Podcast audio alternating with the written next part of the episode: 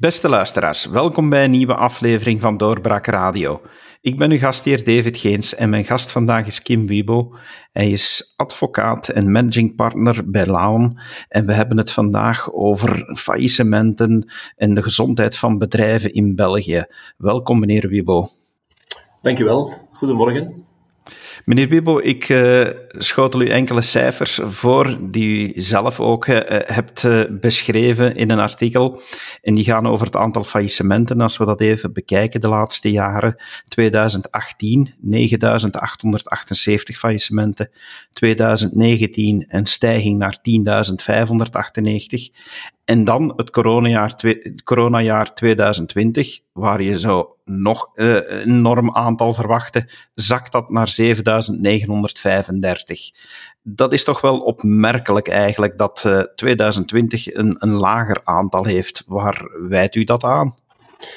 Uh, dat klopt inderdaad. Dus we hebben in 2020 um, ehm, eigenlijk um, maar slechts 7203 faillissementen wat dus vrij weinig is, of eigenlijk de laatste 15 jaar, uh, zijn er nog nooit zo weinig faillissementen geweest. Hè. Dus in 2005 heeft men dat eigenlijk beginnen bijhouden, heeft men dat dus uh, geregistreerd. En we moeten dus vaststellen dat over die 15 jaar uh, nog nooit zo weinig is. Dat is zeer uitzonderlijk, zeker in een ja, toch wel crisisjaar 2020, hè, met de COVID, de corona. Verwacht je eigenlijk dat het aantal faillissementen gigantisch zou toenemen, hè, dat we een tsunami zouden krijgen wat is uh, uitgebleven is. En dat is inderdaad uh, uitzonderlijk. Maar wat is dat eigenlijk te wijten? Dat uh, zijn maatregelen die natuurlijk genomen zijn door de uh, regering. enerzijds, men heeft in de eerste lockdown een moratorium ingesteld. dat vertrokken is op 18 maart en dan eindigde op 18 juni 2020. En men heeft een tweede lockdown uh, terug een moratorium ingesteld uh, van november 2020 tot 31 januari 2021. Hè. Dus nu zondag loopt eigenlijk het moratorium af. Wat betekent dat moratorium? Dat betekent eigenlijk dat schuldeisers bedrijven uh, met slechte solvabiliteit niet kunnen dagvaarden in faillissement. Dus de bedrijven zijn op dat vlak eigenlijk beschermd geweest. Uh, in twee lange periodes toch. Hè? Dus in het begin de eerste lockdown en nu de tweede lockdown. Um, maar eigenlijk bedrijven die ja, zo goed als uh, waarvan het schip eigenlijk al op de bodem ligt. Hè? Het was niet vijf voor twaalf, maar vijf na twaalf. En als je natuurlijk die bedrijven beschermt, ja, dan blijven die voortdobberen, was men ook zegt een beetje, hè? die zombiebedrijven, of die spookbedrijven. En blijven die natuurlijk overeind. Waar je normaal gezien, als je die beschermingsmaatregel opheft, en je gaat over tot uh, dagvaarding in faillissement, uh, dat natuurlijk het aantal faillissementen gaat toenemen. Dus dat is één, hè, dus de bescherming van, van de overheid. En twee, natuurlijk al de steunmaatregelen, uh, en er zijn er natuurlijk wel wat geweest, die men heeft in, ingeroepen of in het leven heeft geroepen. Ik denk maar aan uh, de tijdelijke werkloosheid hè, voor werknemers van de getroffen bedrijven. We zitten met een uitstel van betaling van bedrijfsvoorheffing uitstel van betaling van de sociale zekerheidsbijdrage. Ook naar de banken, dus de kredieten, uh, leningen. Men kon aan de bank vragen om voorlopig de afbetalingen, de terugbetalingen, om dat op te schorten. Um, het begin was het ook voor zes maanden, men heeft het dan verlengd naar negen maanden. Dus dat is natuurlijk wel een, een serieuze impact uh, geweest voor bedrijven uh, ja, te steunen in deze zeer moeilijke tijden. Terwijl we eigenlijk vorig jaar al uh, een wijziging hebben gekregen in de, in de wet dat uh, dus ook vrije beroepers failliet konden gaan. Hè. Dus je hebt stichtingen, uh, verenigingen, VZW's, eh, advocaten, dokters enzovoort. Konden vroeger eigenlijk niet failliet gaan, maar men heeft dat dus opengetrokken. En die kunnen sinds vorig jaar wel in, in faling gaan. Wat eigenlijk een, ja, een toename van het aantal faillissementen had moeten verklaren, maar dat dus is uitgebleven. Dus ik denk dat de maatregelen van de overheid uh, naar uh, uitstel van betalingen, ook naar sociale bijdragen bijvoorbeeld, hè, dus je kunt bij RZ-bijdragen, uh, heeft men gezegd, je kunt dat afbetalen op 24 maanden bijvoorbeeld, hè, voor bijdragen van, van 2020. Dat is zeer uitzonderlijk. Um, een ander punt, ook het daling van het aantal faillissementen, is in juli en augustus zitten we altijd met het gerechtelijke reces. Is er een gerechtelijke vakantie waarbij de zittingen wel doorgaan bij de rechtbank, maar veel minder dan tijdens de andere tien maanden van het jaar. Dus je hebt natuurlijk moratorium tot juni, Het moratorium is opgeheven in juni. Um, en op 1 juli start dan eigenlijk de gerechtelijke vakantie tot 31 augustus. Dan heb je terug een aantal maanden waar er geen bescherming is. En half november krijg je terug de bescherming. Dus uh, dan blijft er natuurlijk niet veel over om ja, uh, over te gaan tot dagvaarding en faillissement. En ik heb ook vastgesteld dat er bij de overheid, ook bijvoorbeeld bij de sociale bijdrage of de RZ, men eigenlijk een feitelijk moratorium heeft gehanteerd. In die zin dat men heeft gezegd van kijk, we gaan nu niet de dag dat het, uh, de bescherming stopt, de dag nadien onmiddellijk, zoals pitbulls, uh, op al die bedrijven vliegen en dagvaarden in faillissement. Dus men heeft die eigenlijk ja, een beetje door de vingers gezien en gezegd van kijk, betaalt af, zie wat je kunt en we gaan u nog een beetje gerust laten, zal ik zo zeggen. Is dat moratorium dan voor veel bedrijven uitstel van executie? Kunnen we nu verwachten dat wanneer het nu eind deze maand afloopt, dat er een run op de rechtbanken gaat ontstaan voor dagvaardigingen in faillissement? Dat wordt uh, verwacht. Uh, dat zou eigenlijk ook een logisch gevolg moeten zijn. Hè? Want als die bescherming natuurlijk wegvalt, uh, kan een schuldeiser terug naar de rechtbank stappen en een debiteur uh, dagvaarden in faling. Um, gaat dat nu van vandaag op morgen onmiddellijk toenemen? Dat denk ik niet, omdat men ook uh, vanuit uh, de overheid, uh, FOD Financiën, um, de EDZ bijvoorbeeld, heeft gezegd van kijk, we gaan dat stelselmatig opbouwen. Dus we gaan niet van vandaag op morgen, bij van spreken, 50.000 dagvaardingen lanceren.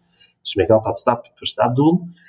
Plus er zijn nog altijd een aantal beschermingsmaatregelen, steunmaatregelen, die blijven lopen. Hè. Maar ik denk als we richting mid uh, van dit jaar gaan, juli, augustus, september, dat een wel uh, het aantal faillissementen drastisch gaat, uh, gaat toenemen.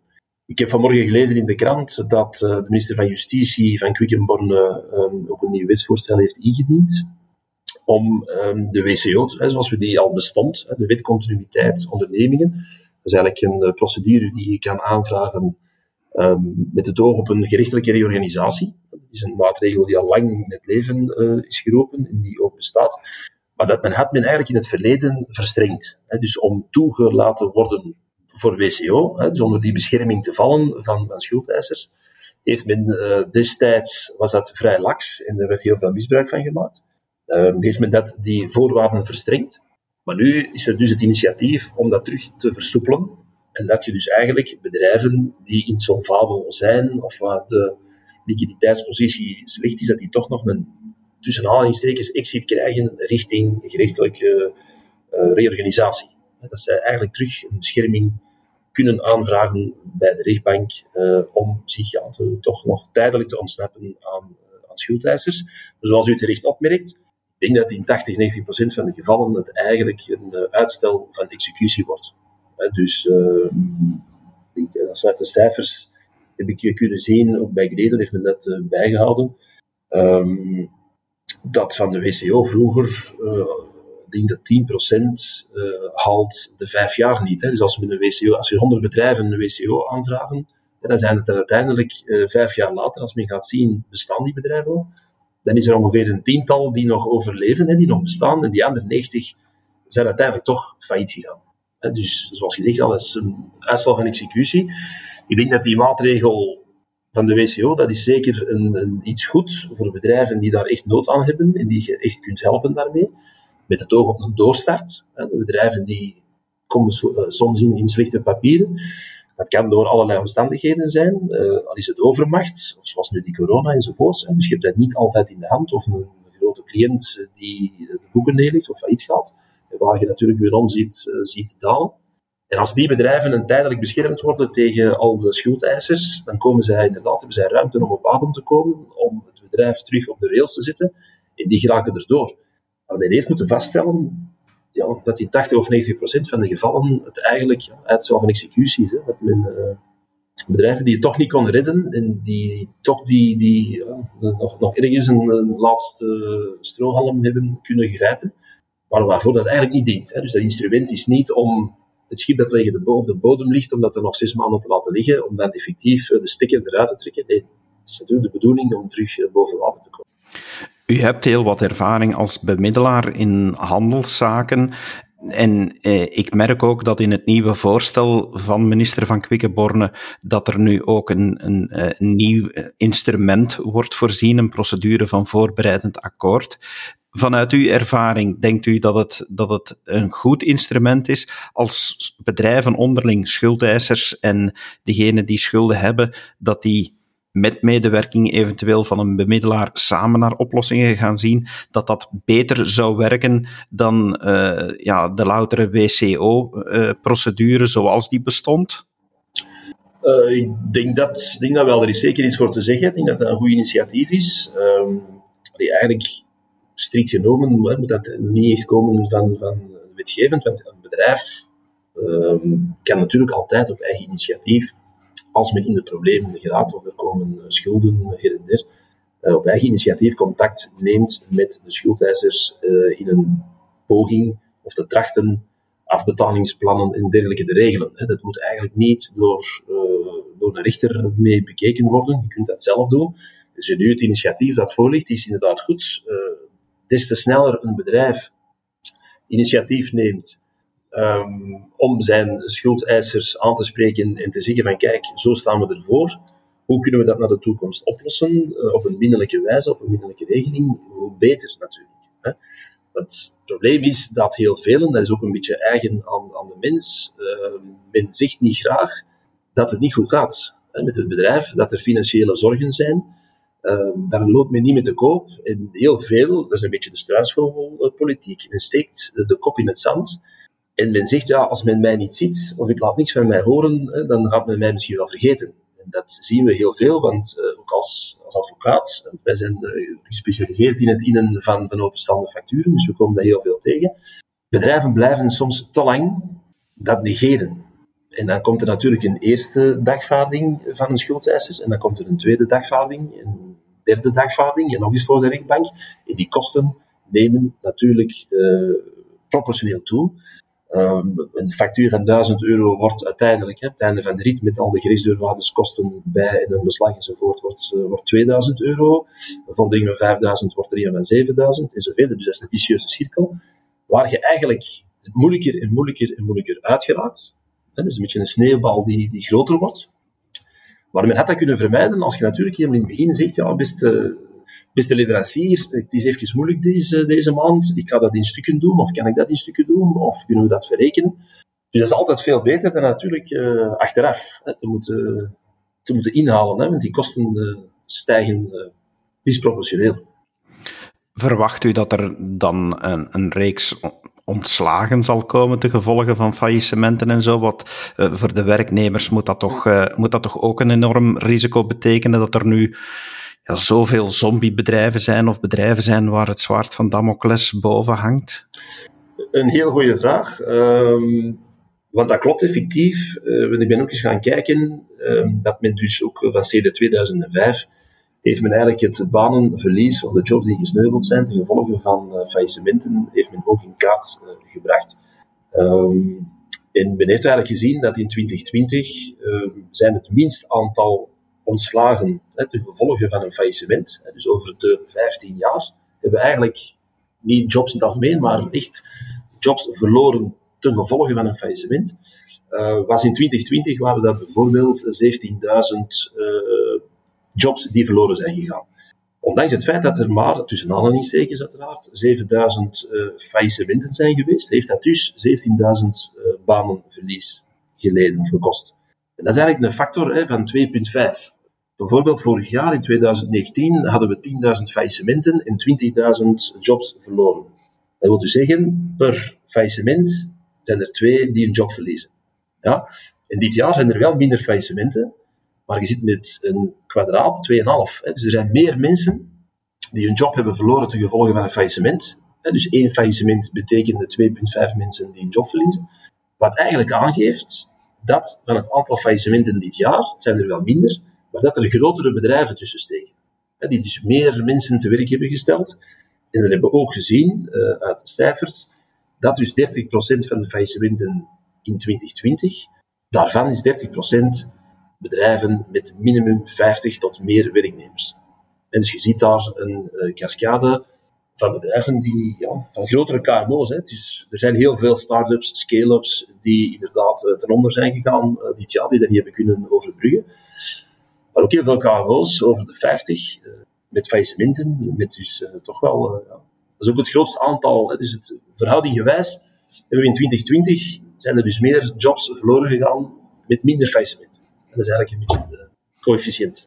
Dat is een vaststelling, dat klopt bedrijven zoals Gredon, die natuurlijk de sector, uh, of alle sectoren constant doorlichten, die spreken zelfs van een tsunami aan faillissementen die zou kunnen oplopen tot 50.000 ondernemingen. Eh, is dat, is dat paniekzaaierij of uh, gelooft, u, gelooft u dat dat echt zou kunnen gebeuren? Dat er, dat er zo'n golf aan ondernemingen komt en waarbij dan, als ik die uh, multiplier die u net had op toepas, dat, dat er makkelijk dan 150.000 jobs bedreigd zouden zijn? Ik heb het inderdaad ook gelezen uh, bij Gradon. Uh, dat is inderdaad een voorspelling uh, die men heeft gedaan. Je ziet ja, dat kan inderdaad oplopen hè, tot 50.000. dat getal heb ik inderdaad ook gezien. Dat het nu tot 50.000 gaat oplopen, lijkt me sterk dat dat effectief zal gebeuren, gezien de maatregelen die men nog altijd in, allee, die er nog bestaan. Hè. Dus het, het moratorium is wel opge, is afgelopen eigenlijk. Hè. Dus vanaf volgende week is dat gedaan, 1 februari. Ik denk niet dat men dat onmiddellijk gaat terug invoeren. Dat is alleszins toch niet de bedoeling uh, van de minister van Justitie. Maar je ziet dat je wel met initiatief gaat komen. En ik denk dat dat gaat gestemd worden in, uh, in maart. Om bijvoorbeeld die WCO eh, te versoepelen. Dus er gaan meer bedrijven richting WCO gaan. je hebt nog altijd de steunmaatregelen van de FOD EDZ, zoals ik heb gezegd. Dus dat blijft nog wel doorgaan. Men kan daar nog uitstel van betaling vragen. Ehm, de maatregelen die er nog zijn, zeker in horeca, hè, als je verplicht de zaak moet sluiten, zolang dat, dat die maatregel blijft, zal men kunnen rekenen op steun. Dus dan zijn we natuurlijk al in april en mei. Dus normaal gezien, logischerwijze, moet ja, het aantal faillissementen toenemen. Dus als je nu eind van het jaar zou zeggen, we hebben er terug 7000, of die zelf nog een keer gedaald, vroeg of laat, moeten we de rekening gepresenteerd krijgen. Dus dat, uh, daar ben ik van overtuigd. Gaat dat nu dit jaar een 50.000 zijn? Uh, dat is ja, koffie die kijken. Laat ons hopen van niet. Maar ik verwacht wel uh, een serieuze toename. Ja, absoluut. Het bruto binnenlands product wordt uh, geschat op een daling van min 8,5 procent. Is dan het enige wat de overheid kan doen, zorgen dat er zoveel uitstel komt op, op schulden ook naar, naar zichzelf toe eh, als overheid, dat men, men wacht tot die economie terug aantrekt en uh, voor een deel terug goed gemaakt wordt, om dan die putten te vullen. Is, is dat het enige wat u verwacht van de overheid, of ziet u andere mogelijkheden vanuit uw ervaring? Goh, is uh, een moeilijke uh, vraag, een interessante vraag natuurlijk. Uh, men hoopt, dat hopen wij allemaal, ook als mens, denk ik, hè, dat we snel afscheid kunnen nemen van, van heel die uh, pandemie. Hè, dat uh, de injecties sneller gebeuren. en dat, dat, dat het normale leven, hè, tussen aanhalingstekens, dat terug weer opleeft. Wat met de opening van horeca, met de opening, heropstart van de cultuur, de heropstart van de sport, evenementen allerlei, hè, dus op alle vlakken. Dat we terug eigenlijk ja, het leven hebben van uh, eind 2019, begin 2020. Met, uh, dat, uh, met het leven dat we altijd hebben gehad. Dan krijg je natuurlijk wel een boost, denk ik, aan uitgaven van mensen. Die dus terug gaan spenderen, die terug uitgaven gaan doen van reizen, horeca, restaurant, evenementen, sponsorships, bijvoorbeeld, subsidies in, de cultuur. Maar dat ligt nu allemaal stil. Ehm, dus ja, mensen blijven een beetje natuurlijk op hun geld zitten, hè, wat logisch is. Er is ook heel weinig om nog, om op te doen. Dus op dat vlak denk ik dat er heel veel gespaard uh, is geweest op de voorbije maanden. En als je natuurlijk dat allemaal kunt terug uh, laten doorgaan, zal er terug meer ja, geld rollen, hè, gaat de economie aantrekken, gaat dat terug stijgen. En ik denk dat men daar wel een stuk op gaat hopen, om dat, om dat gat enigszins ja, toch te vullen. En anderzijds, weet ik niet goed, zal het misschien met belastingen worden, uh, her der, dat zou kunnen. We zullen inderdaad moeten afwachten, meneer Wiebo. Heel hartelijk dank dat u tijd hebt vrijgemaakt voor onze podcast en dat u daar uw licht hebt willen laten overschijnen. Met alle plezier. En uw beste luisteraar, dank u wel dat u geluisterd hebt en dat u ook aandacht hebt voor hoe het draait in onze economie en wat er nog op ons afkomt. Blijf zeker luisteren naar onze podcasts en graag tot de volgende keer. Dag. Dit was een episode van Doorbraak Radio, de podcast van doorbraak.be. Volg onze podcast op doorbraak.be/radio of via Apple Podcasts, Overcast of Spotify. Bezoek ook onze website op doorbraak.be en steun ons door een vriend te worden van Doorbraak.